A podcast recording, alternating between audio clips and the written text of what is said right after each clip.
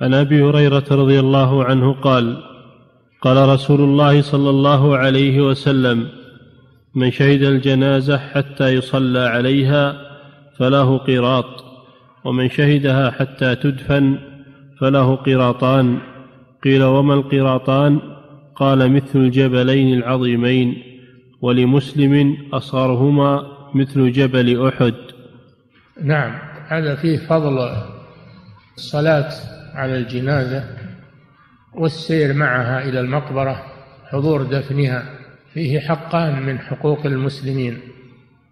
الأول الصلاة على ميتهم والدعاء له والحق الثاني تشييعه وحضور دفنه. وفيه بيان الأجر الذي يحصل على هذا. من شهد صلى على الجنازة وانصرف له قيراط. ومن صلى عليها وحضر دفنها فله قيراطان. القيراط مقدار معروف عند العرب وهو يسير يسير عند العرب. قيراط وهو ثلث الثمن قيراط ثلث الثمن. صغير جدا.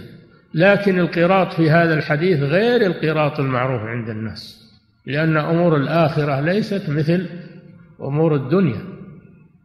القيراط الواحد مثل الجبل العظيم. شوف أعظم جبل القيراط في الآخرة مثله.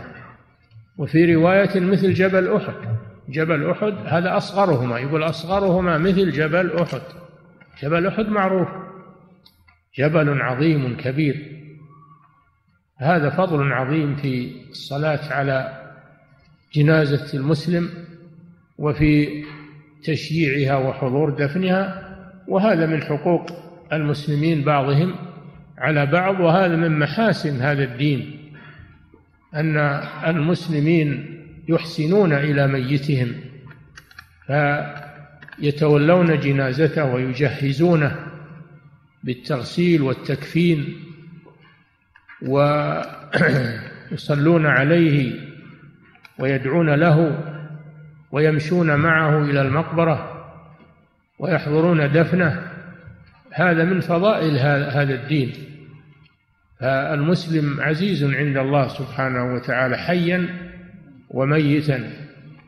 ففي هذا الحث على الصلاة على جنازة المسلم والحث على تشييعها وهذا من حقوق المسلم على أخيه المسلم. نعم. فليس المسلم إذا مات انتهى حقه بل له حق بعد الموت كما سمعتم من تجهيزه والصلاة عليه ودفنه وأيضا زيارة زيارة قبره والسلام عليه هذا من حقوقه والدعاء له بعد دفنه. وكذلك الاستغفار له الصدقة عنه كل هذا من ما ينفع الله به الميت بعد بعد موته. ما تنتهي العلاقة بين المسلمين بالموت. ولهذا يقول جل وعلا والذين جاءوا من بعدهم يقولون ربنا اغفر لنا ولإخواننا الذين سبقونا بالإيمان. ولا تجعل في قلوبنا غلا للذين آمنوا. ربنا إنك رؤوف رحيم.